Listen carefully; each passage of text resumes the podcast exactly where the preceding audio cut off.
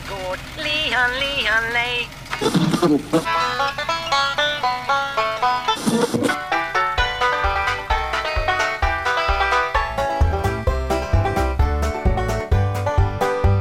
Du lyssnar på Bondepraktikan presenterad av Bulletin. I besättningen finns i vanlig ordning jag, Per-Ola Olsson och Rickard Axdorff. Gillar du det du hör och vill dessutom kunna lyssna innan gratislyssnarna är det alltid möjligt att teckna en prenumeration på Bulletin. Med detta sagt, vad har du gjort idag Rickard? Oj, ja denna dagen börjar ju med som så alltid att man går upp och kikar till djuren. Och där var det en skata inne i stallet som får runt och skulle förstöra fönsterrutorna. Aj då. Ja, så det, det slutade med att jag fick hoppa ihjäl den helt enkelt. Så, så, så började morgonen och då vet ju alla som eh, är lite skrockfulla att det där med att eh, häva ihjäl skator är förknippat med att eh, någonting skiter sig under dagen. Eh, det där tror ju inte jag på, men i alla fall så 30 eh, minuter senare så vart det felmeddelande på jordvärmepumpen. Mm. Så att eh, vi snittar väl sådär en 27,5 grader i varmvattnet just nu. Eh, så att det, det straffade sig med, med en gång faktiskt. Elände. Eh, frågan är ju nu, om jag inte hade stampat ihjäl den där skatan, hade eh, jordvärmepumpen funkat? Förmodligen inte. Nej, tror inte jag heller. Så att så började min dag. Hur började din dag? Jag var på gymmet. Alltså, jag tycker inte om det, men jag hade ju det extremt, extremt dåliga omdömet att eh, i ett svagt ögonblick säga att när jag får 10 000 följare på Twitter så ska jag eh, spela in en film där jag pratar om växtskyddsmedel endast iförd chaps. Okej. Okay. Och där är typ 800 kvar. Um, så att där är ju en stund kvar men uh, herregud jag är liksom 1,97 uh, och väger 100 kilo så att e-, ett kilo muskler på mig syns väldigt, väldigt, väldigt lite. Så att det är bara för, till att bita i det sura äpplet helt enkelt. Du, du är en man som lovar vad du håller eller? Inte alltid. Inte det? nej, det, det kan väl, men nej, gud nej, fan. Även jag gör misstag, eller som de säger, även solen har sina fläckar. Men eh, har du fått mycket beröm för förra podden? Eh, ja, men det här är ju fantastiskt roligt det fullkomligt rasar in mejl och gratulationer hela tiden. Ja, vad trevligt. Eh, ja, jo, men lite sådär. Så att, eh, no någon är det ju som lyssnar i alla fall och det känns ju extra roligt. Ah, nice. Ja, eh, jag bara kom att tänka på det där du sa eh, ja, om antalet följare. Eh, jag kommer ihåg för länge sedan så, jag tror att det var Strandhäll politikern, mm. som eh, lovade att skänka, om det var 500 kronor till valfri organisation till den som blev hennes eh, 2000 följare eller någonting i den stilen. Sånt är ju farligt. Det blev jag. Nej! Jo, det var jätteroligt. Så att jag skickade ett mejl med en gång att hon kunde skänka det till föreningen Naturbrukarna Sverige. Mm -hmm. Vilket resulterade i att jag fick till svar att det vägrade hon att göra. För jag, jag hade, de hade ju fel syn på, på det här med att bruka naturen. Så det, det blev inga pengar. Så kan det gå. Så att Strandhäll är alltså skyldig dig 2000, eller skyldig naturbrukarna 2000 kronor? Nej, 500 spänn tror jag det var. Jag är eller ganska 500. säker på att, det här är ju ett tag sedan, jag är ganska säker på att det faktiskt var Strandhäll. Jag får forska. Om det inte var hon så var det någon som var väldigt lik henne, typ ish. Okay, ganska lik. ja, ganska lik. Ja. Men eh, har du själv hört någonting beröm? Absolut, jag har i och för sig fått mest beröm för min, min eh, text om eh, banjohögern som jag eh, eh fick publicerad eh, i Timbros i Smedjan. Där jag mm. skrev om, om vanligt folk och deras önska att skiten bara ska fungera och att eh, sen vill man bli lämnad i fred. Just det. Mm. Jag, eh, har ni inte läst den så kan jag skicka med. Gör det, läs den. Den eh, förklarar väldigt mycket. Jag har ju typ korreläst den tio gånger. Så jag bara kunna den utan till. Men eh, ja, verkligen, den är bra. Och det är jätteroligt att du får beröm för den. Ja, jag har fått oerhört mycket beröm för den. De, de, de, de få som har haft synpunkter, det var ju en ledarskribent på en, eh, lite mer vänsterinriktad tidning. Okej. Om vi uttrycker oss så. Han eh, anklagade mig för att ha, ett, ha hämtat, hela, hämtat min självbild från USA. Jag förstod inte riktigt vad han menade med den men ehm, jag utgår från att eh, det är i och för sig hans jobb att inte hålla med mig. Men ehm, Han har betalt för det. Ja, förmodligen mycket mer än vad jag har. Men det blev ju så uppenbart att han inte förstod att han var en del av det et- etablissemang som jag skrev, alltså som, vars, som jag skrev att folk inte tyckte om och som folk är trötta på. Mm. Men eh, så det gick honom fullständigt förbi. Det var kanske lite tråkigt. Sen eh, är det ju några eh, som inte tyckte om att jag ord, använde ordet banjo. Eh, vilket jag tycker, alltså vad fan. Men, men förklara det med, med ordet banjo. Banjohöger. Men det blev ju, alltså höll på att säga från början var det bara lite kul men, men samtidigt, alltså dels, alltså dels har ju, det, blir, det, det är ett avslappnat skämt, mycket beroende på att det är ju så som den inavlade banjospelaren många i stan ser oss. Eh, och sen, eh, vilket i sin tur gjorde att, att, att kalla det för banjohögern, det var ju lite som att ta tillbaka någonting. Precis som, som eh, eh, n-ordet alltså i, i USA. Där man, det, så- Precis, där, där, liksom, alltså, vad ska jag säga, där man använder det för att, alltså helt enkelt för att ta tillbaka det. Så när vi säger att vi tillhör banjohögern kan vi göra det, men någon annan skriker åt dig din jävla banjohöger så är det förtal och rasism. Alltså, jag är inte så jättekänslig men eh, prin, alltså, principen funkar ju. För att man ska förstå ändå Ja, ja, ja, begreppets ja, innebörd. Ja, ja. nej, men du, du har nej, nej, men visst fan är det så. Ehm, så att det var kul. Ehm, Och de som ehm, tyckte att jag använde ordet banjo fel, de, um, vet, alltså de har ju hela sin, alltså lagt hela sin eh, tillvaro på att kverulera om landsbygden. De kommer Mm. ju aldrig någonstans. Så det, det, jag, det var en som förklarade att, eh, att eh, landsbygden visst kunde formulera vad den ville ha för att Eh, eh, det parti, Landsbygdspartiet, han företrädde, de hade minsann gjort 40 sidor program på eh, partiprogram som var av allra högsta vikt för landsbygden. Och jag kan väl tycka att om om man beroende på definition så bor det en 20-25 procent av Sveriges befolkning på landsbygden. Och eh, givet den underrepresentation som landsbygden ändå har eh, i kombination med att hur många det ändå bor på landsbygden så kan jag väl tycka att om, om ehm, när det samtidigt inte röstar någon på landsbygdspartiet så tror jag inte det beror på landsbygden utan det beror nog snarare på landsbygdspartiet. Så att eh, ja, ja, de får väl vara lite arga. Men så att nej, men folk har, folk har, har eh, gillat det. Eh, men det kommer gå över nu för jag, jag, Vad kommer nu? jag är arg på Greta tar Jag, ja, precis. Jag är arg på Greta. Okej, arg är kanske till. Jag har synpunkter på Greta Thunberg. Okej, V- vem är Greta Thunberg? Det är hon den här tusen som, som eh, eh, är helt övertygad om att jorden kommer gå under. Ah, Okej.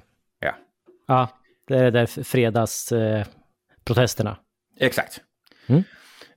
Och jag kanske inte så jättemycket arg på, på Greta som på den klick människor som hon är en del av.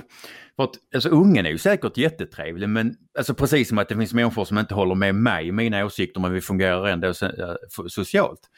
Men det jag funderar mest på kring Greta det är ju den enorma antiklimax hon kommer att uppleva när hon fyller 30 och jorden inte har gått under.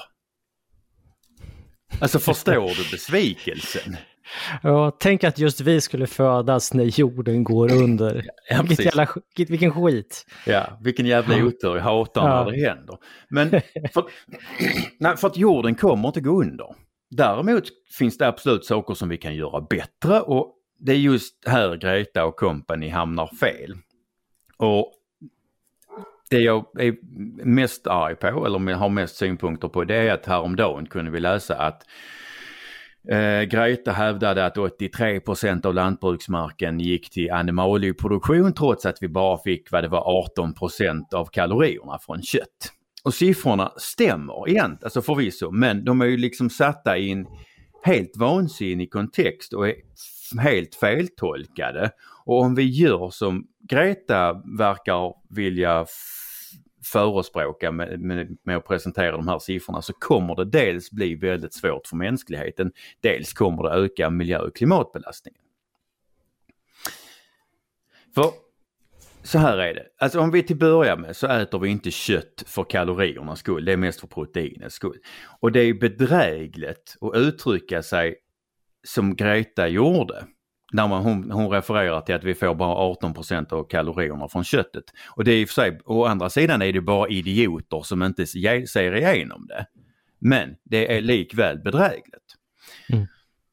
Eh, och för det andra så är 70% av jordbruksmarken, eller runt 70% av jordbruksmarken, är inte möjlig att odla mat på. Det är savann och marginalbitar och Brösarps backar och Norrland och Småland. Mm. Och det går inte att odla mat där. Det är jordbruksmark, det är inte åker. Det är två helt skilda saker. Så allting som vi använder i jordbruket kallas ju jordbruksmark. Men det är på åkern vi kan odla mat. Inte på jordbruksmarken. Eller inte rättare sagt inte på all jordbruksmarken. Mm. Och det går liksom inte att odla mat på de här markerna. Och enda, an, alltså enda anledningen till att vi brukar dem det är för att det växer gräs där. Vi kan, mm. och att vi sen kan förädla det här gräset genom att ge det till djuren. För vi kan inte äta gräset. Och i den här, alltså vill man, vill man givet, givet det faktum att vi eh, inte kan äta gräs, i, i dagsläget i alla fall, så, mm så, eh, och, och, och, så kan man ju så i ett lite, eller vad ska jag säga, om man nu vill flyta ut, ställa sig frågan vad är mest moraliskt? Är det att äta kor eller är det att genmodifiera människor så att vi kan smälta cellulosa? För det, det, är ungefär där, det är det vi har att välja mellan. För att vi kan inte odla mat på de här markerna, inte ens med genmodifierade eh, eh, växter. Så, så om jag förstår dig rätt då, så om vi slutar att äta kött så försvinner 70% av den areal vi använder för att producera eh, smältbart protein för människor. Korrekt, den är helt irrelevant Alltså de 70 procenten de är helt irrelevanta i, ett, i, en, i livsmedelsdiskussionen om vi inte äter idisslar. Alltså får och kor. Så om vi slutar äta kött så svälter halva befolkningen eller någonting i den stilen då? Ja, halva är väl kanske till alltså ta i. Om vi, om vi bara tittar på mjölk och nötkött så, så, får vi ungefär eh, någon, knappt 50 miljoner ton protein från mjölk och nötkött och då är fåren inte inräknade. Mm. Eh, och räknar vi att vi har, alltså va, räknar vi med, med ett proteinbehov om 100 gram per skalle och dag mm. så, så motsvarar ju då mjölk och bara mjölk och nötkött eh, 23 procent av, av behovet. Så att det blir, det blir väldigt svårt för mänskligheten utan idisslare. Just det. Mm. Så vi skulle gå runt och vara hungriga? Alltså alla hade ju inte gått runt, en del hade ju dött. Ja. Ganska många för de, hade dött. För de som har råd att vara mätta kommer att vara mätta. Och de som inte hade det, de fick ingen mat, de hade otur. Alltså det problemet löser sig av sig själv efter ett tag för de kommer dö. Och jag tycker, alltså jag tycker inte att det är en sån här jätte aptitlig lösning när vi, alltså när vi faktiskt kan äta kor och får och dricka mm. mjölk. Mm, mm. Um, och det som, det liksom, ja, så jag förstår att det är liksom om man bara tittar på siffrorna så är det ju jättestora arealer men miljön är liksom inte legobitar man bara kan flytta runt liksom. Och där man kan flytta en fyrkantig bit från ett, ett ställe till ett annat och det passar. Mm. Men hade det, gått, hade det gått att odla mat där så hade vi redan gjort det. För normalt är det mer lönt att odla till livsmedel än till foder. Mm. Och det är liksom inte slumpen att mark där vi kan odla mat kostar uppåt 400 000 kronor per hektar och mark där vi kan odla gräs, alltså det kostar en åttondedel. Ibland är den på gränsen till gratis. Just det. Ja. Och sen det följer ju med massa positiva här, pluseffekter med att ha djurhållning. Ja, Eh, jag tänker på till exempel eh, så antalet eh, kobesättningar norröver har ju minskat, vilket får till följd att antalet snokar norröver har minskat ja, ja. eftersom snoken är en reptil som lägger ägg och föredrar att lägga det eh, i någon slags symbios med koskit eller gödselstackar. Japp. Så när gödselstackarna försvinner så försvinner snokarna. Mm.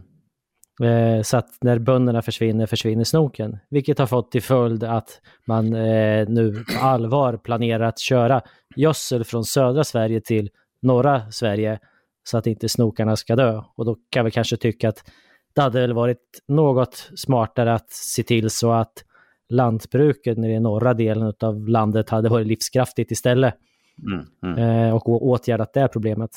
Mm. Men det är Absolut. bara jag. Ja, det- ja, ja, ja, alltså jag håller med dig. Eh, Jag håller med dig. Men eh, alltså man blir bara matt. Men, men alltså, efter, eftersom jag är miljövän så blir jag matt av det här. För att, Mm. för att, liksom, för att, för att vi ska hålla, våra ner, hålla vår miljöpåverkan nere så måste vi utnyttja det vi har på ett förnuftigt sätt och ett på resur- resurseffektivt sätt. Och då Mm. klarar vi oss inte utan främst idisslarna.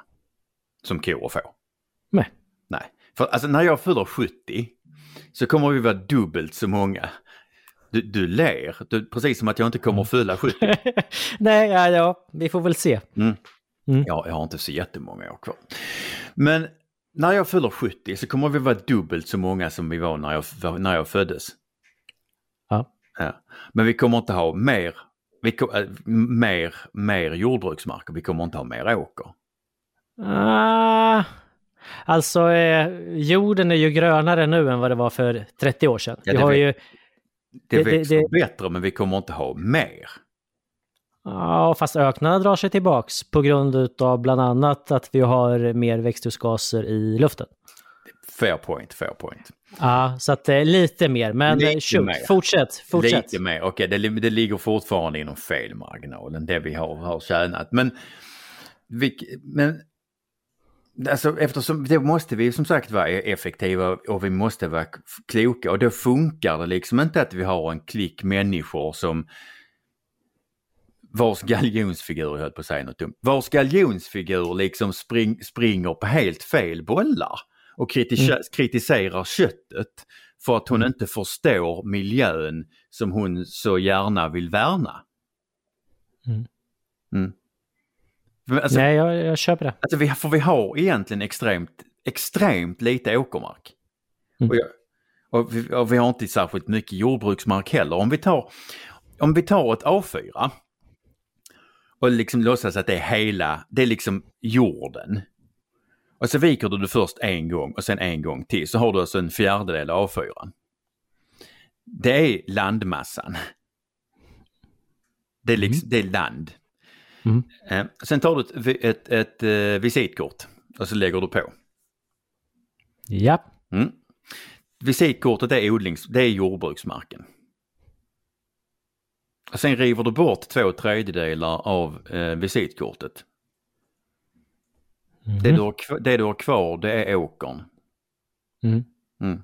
De två andra tredjedelarna det är de, eh, det är som sagt det är extensiva beten, eh, savann, de marker vi inte kan odla mat på och de marker som som sagt är helt irrelevanta för livsmedelsproduktion om vi inte kan, om vi inte kan föda upp idisslar. Nu, nu är det ju folkbildning på hög nivå här. Ja? Ja, All, alla fick en bild av A4 som man viker. Ja. Jättebra. Eh, men men om, om nu alla ska få mat så borde det väl då innebära att eh, vi behöver jobba med eh, gensaxar och liknande för att få mer produktion per ytenhet. ja. Vi får dessutom en snabbare plantförädling med gensaxar och GMO. Mm. Jag läste förresten, apropå gensaxar, eh, påvens andra encyklia, Lovad var det du. Nu blir det lite religion också. Ja. här, här bjuder vi på vad som helst på uppstuds.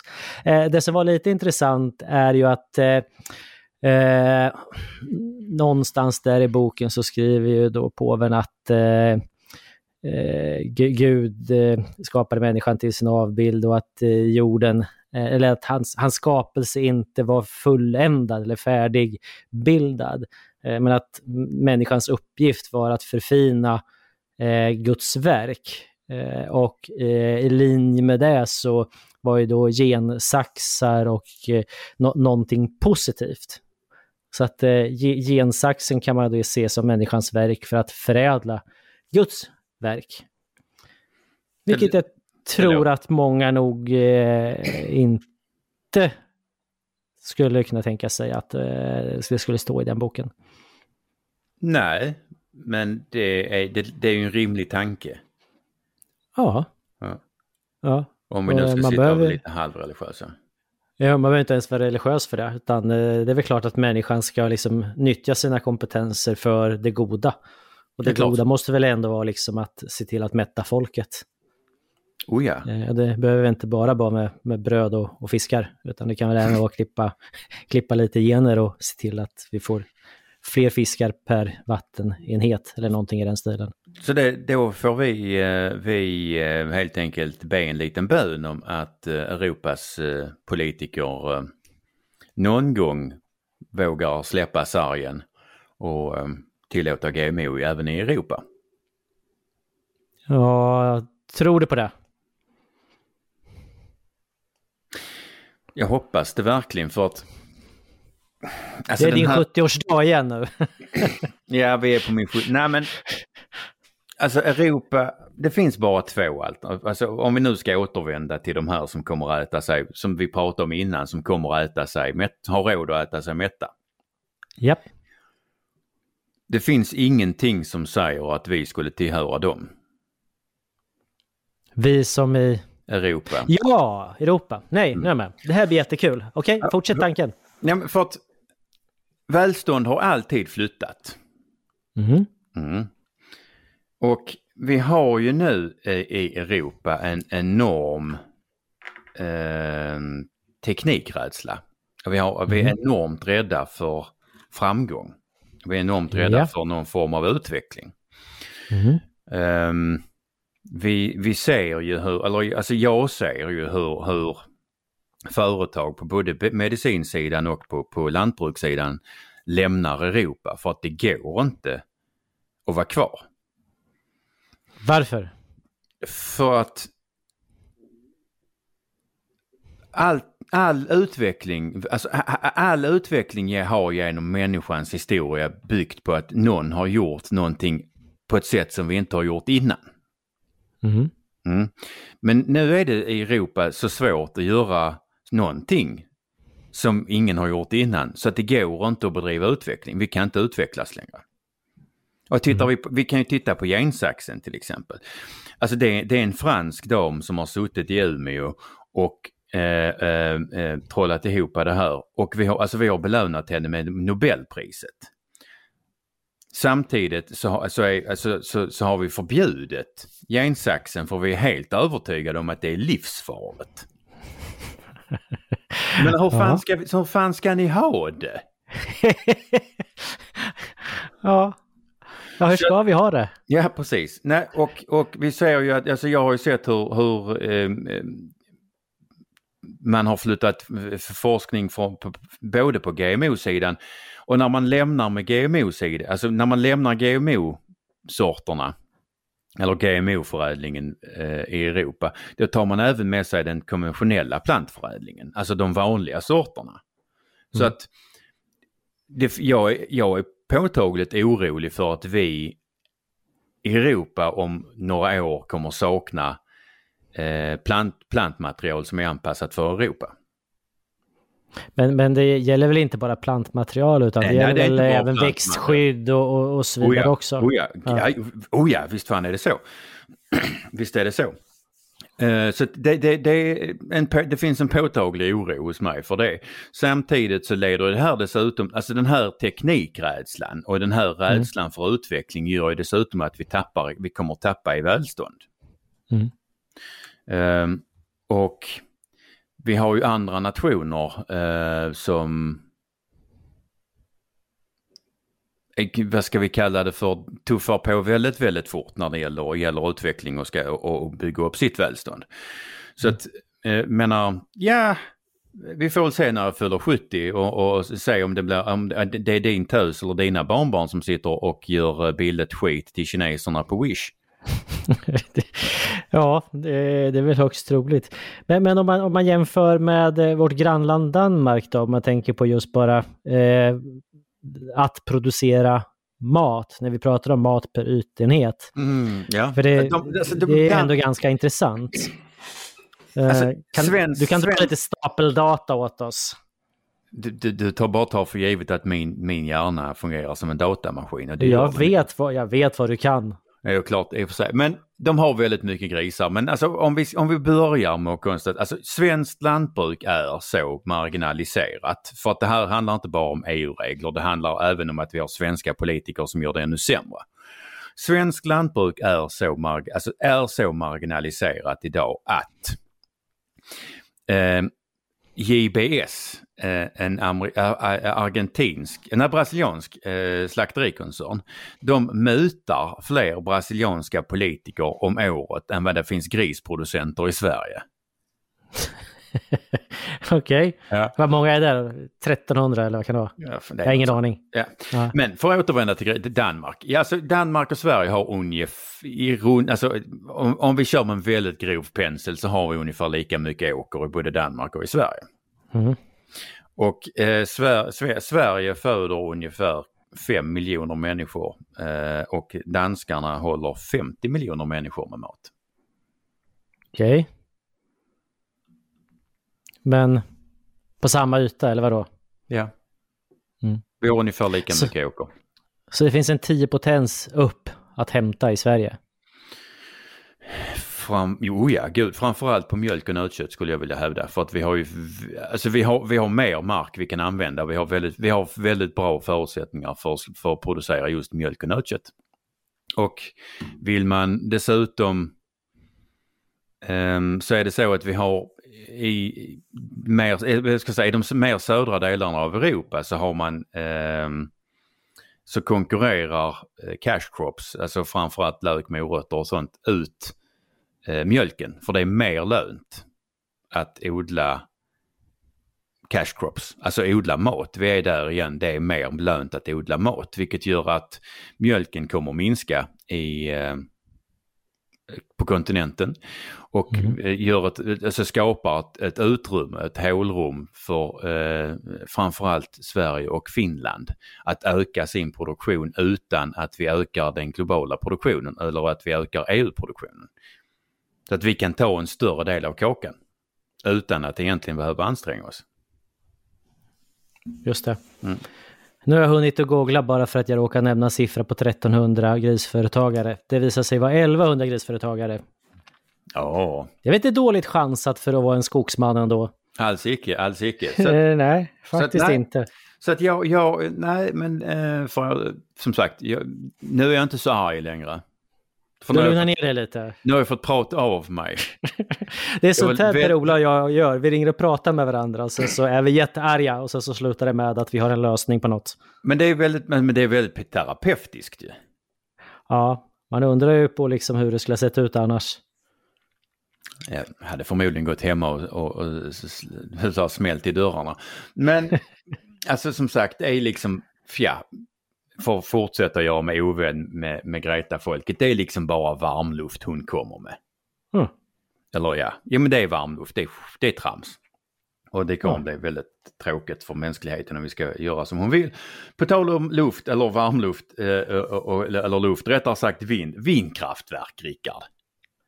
Ja, ska vi prata om vindkraftverk nu? Jag vill prata om vind, vindkraftverk. Ja, men det är väl klart vi ska prata det om du nu väljer en sån fin brygga. Heter det så?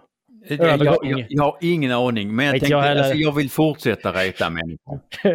ja, men, ja, men, ja, men då pratar vi lite vindkraft. Vet du om till exempel att hela Värmland är ett enda stort vindkraftsimpediment? Det ges inte tillstånd att bygga det, eller det går inte att bygga i Värmland för att eh, ledningarna får inte rum med mera el. Åh, de är för klena. Ja, man har eh, inte byggt ut dem så att... Eh, och det finns ju rätt många ställen i Värmland där det är lämpligt att eh, bygga ut vindkraftverken. Men nätinfrastrukturen tål inte mer ström helt enkelt. Nej, så det är kört. Så har, har man planer på att kapitalisera sin jordbruksfastighet genom att bygga vindkraftverk i Värmland så har man gjort en grov missräkning. Det gick inte, så sorry. Så kan det vara. Ja, ja. Ja. Inte, alltså, alltså inte nog med att de är födda precis när jorden ska gå under. De kan dessutom inte ens bygga vindkraftverk. Inte i Värmland i alla fall, men, men i Krokoms kommun, där skulle man ju kunna bygga vindkraftverk. Men det får du ju inte. Nej, för där eh, har man istället gjort som så att där har man lagt in ett slags veto på att här får man inte bygga vindkraftverk någonstans i hela kommunen. Eh, och det här, det här är ju ganska så spännande, för det är då ett, det kommunala vetot, alltså ett politiskt beslut som förhindrar markägare att kapitalisera sin mark, eh, vilket ofta är skogsmark. Då.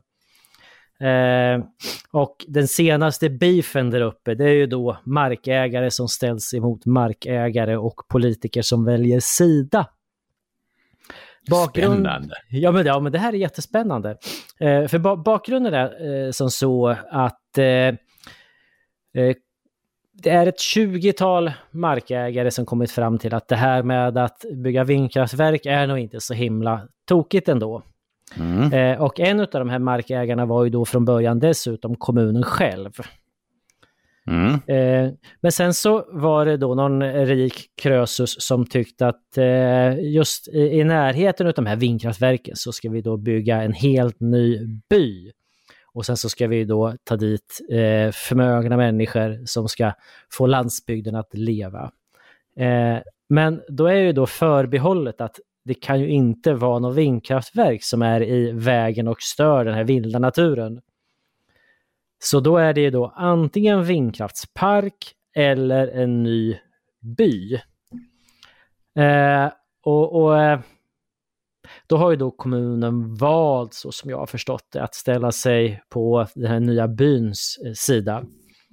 Istället för markägarens, eh, de som vill bygga vindkraftverk, på deras sida. Eh, Okej, så de, Men- de, men- de, kommunen ändrade sig helt enkelt. De vill inte bygga Ja. vindkraftverk själva ens. Nej men precis, nu har de ändrat sig. De vill inte bygga själva och det troliga är väl att det är väl tveksamt om det ens går att dra sig ur, men just nu så försöker man väl att göra det. Och, och Det här blir då lite intressant för att det går ju dessutom att, att räkna på vad som är bra och dåligt. Liksom vad, vad är en bra affär för kommunen och inte? Eh, Mm. och, och vad det gäller just vindkraftverken så eh, drar ju de in, om man räknar om det i skatteintäkter, eh, ungefär vad som för kommunen motsvarar 65 personer netto. Eh, och eh, de här 25 åren då skulle kommunen dra in 93 miljoner och markägarna skulle dra in i storleksordningen 560 miljoner. Så det är en jädra massa pengar som brinner inne för både kommunen och för markägarna. Samtidigt så menar ju då de som bygger den här byn att eh, man räknar med att man ska få dit 70 personer. Eh, och då kan man ju då tänka att eh, det där eh, jämnar ut sig. Eh, men men eh, det, det är ju då ett netto. För när du tar dit människor så kostar ju även människor. Alltså skatteintäkterna i snitt i kommunen är ju då storleksordningen 45 000 per person. Men vindkraftverk kostar ju ingenting i, i vård och omsorg. Man behöver som inte åka dit med gips när de går sönder. Och de behöver ingen skolgång. Eh, och när de blir gamla så behöver de ingen Såvida ingen får dem över sig när de går sönder. Ah, ja, jo, det förstås. Men det, det är väl kanske inte så det är jättevanligt. Men då... Nej, Men det är visst, inte alls visst. jättevanligt. Men, Visst, eh, visst. Nej, jag köper det. Så att eh, då jämför man väl, så som jag förstår det, netto med brutto. Eh, om någonstans där så kan man väl tänka sig att eh, 70 pers istället för att dra in 45 000 så är det kanske netto 10 000 eller någonting i den stilen per person och år som man får räkna med. Eh, så då blir det ju helt plötsligt för kommunen en dålig affär. Så då får man välja mellan att ha vindkraftverk och dra in mycket pengar till kommunen eller att ha folk där och dra in mindre pengar till kommunen. Och sen så får man som men inte glömma bort att det ju här... att all, Ja, fortsätt. Förutsätter att... det förutsätter att alla i den här byn inte gillar vindkraftverk. Ja. Och det, det vet vi väl inte. Men, men eh, den nej. som bygger eh, förutsätter ändå det på något sätt.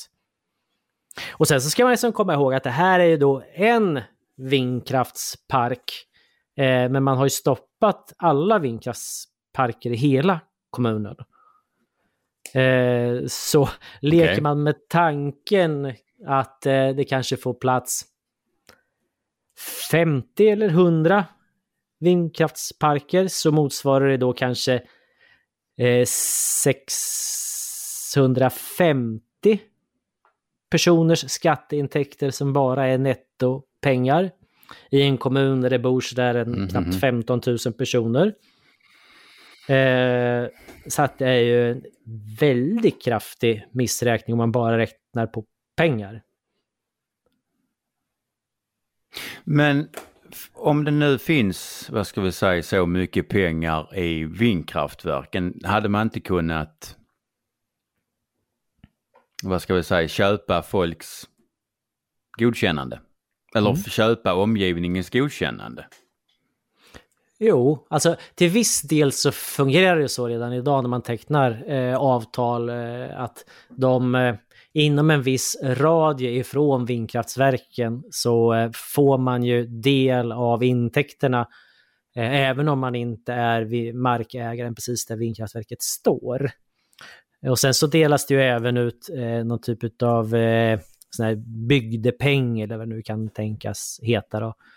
Eh, och det brukar ju inte vara, ja, det brukar vara rätt okej summa ändå. Det går ju till fotbollsföreningar och byggande av cykelvägar och vad det nu kan tänkas vara. Padel, eller paddelhallar är det Ja, men- säkert.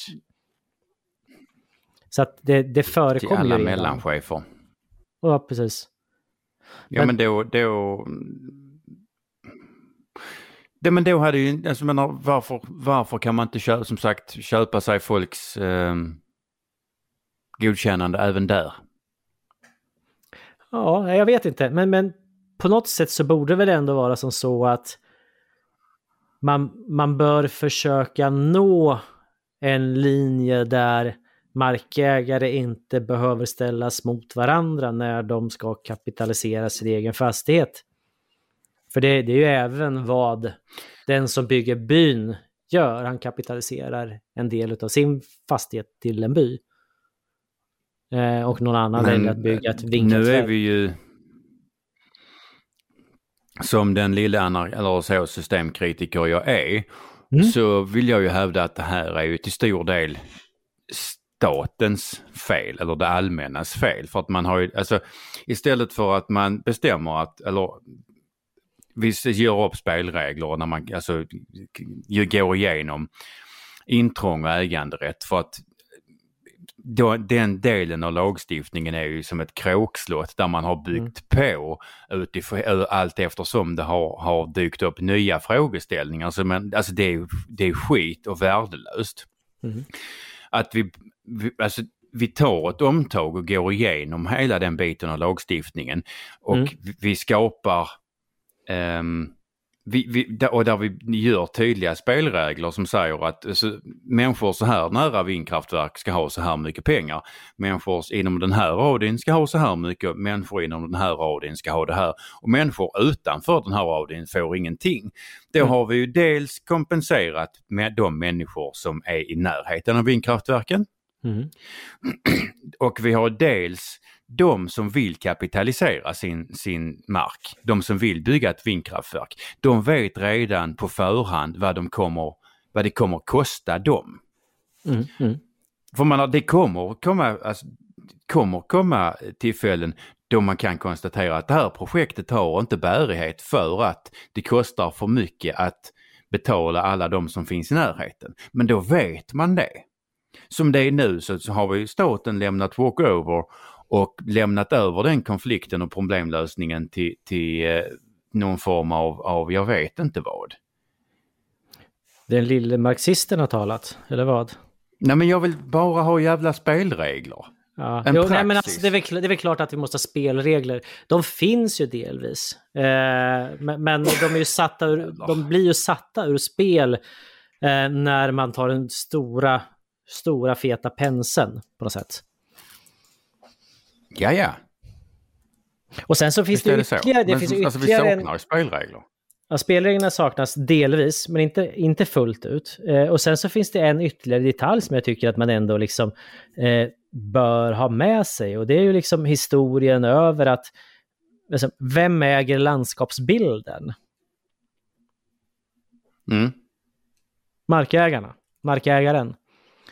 Eh, och, och förutsatt att man vet det när man flyttar ut på landet så bör man ju på något sätt ha det med sig att landskapsbilden kan faktiskt förändras.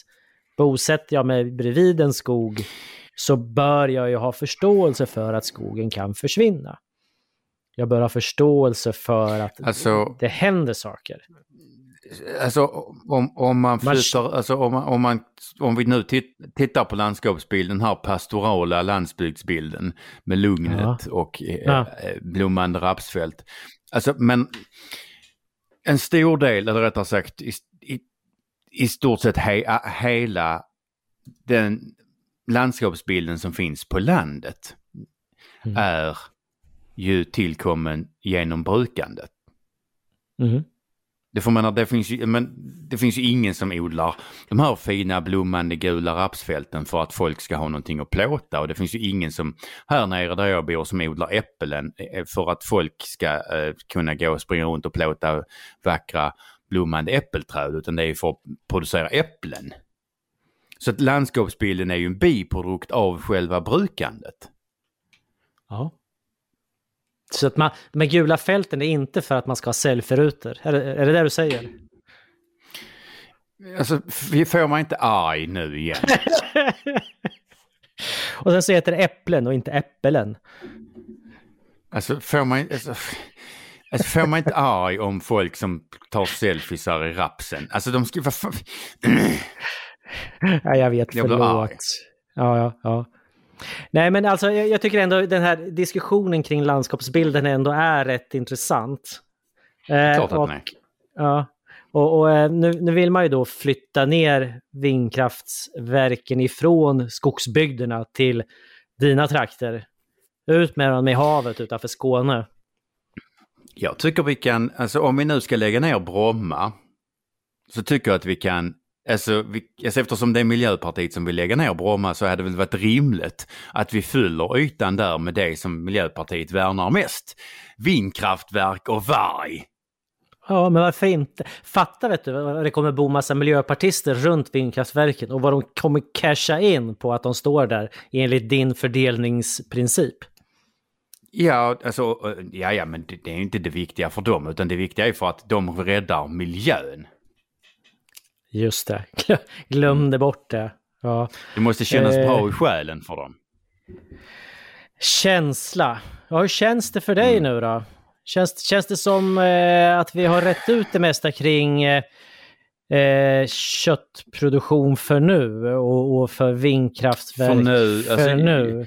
Jag, jag, jag, jag, känner att vi har haft en, en fin terapeutisk stund. Du och jag. Ja, nej, men vad Så, härligt. att jag, då- så, så att jag, jag är inte arg längre. Eh, så att, ehm, nej, alltså jag, jag känner mig nöjd. Men då tackar vi för att ni har eh, lyssnat på eh, Bondepraktikans andra avsnitt. Det här är då en podd som presenteras utav Bulletin och eh, ni kan nu gå in på bondepraktikan.eu och där kan ni läsa mycket mer om eh, vad eh, Per-Ola är för typ och vad jag är för typ och vad vi tycker och vad vi tänker och där finns lite länkar. Och bland annat så kan man ju hitta en länk som man klickar på för att bli plusprenumerant. Och är man plusprenumerant då får man tillgång till den här podden en vecka före alla andra. Kan ni tänka er? Först i kön. Så eh, tack för mig. Jag heter Rickard Axdorff. Och tack säger Prola. Tack för mig.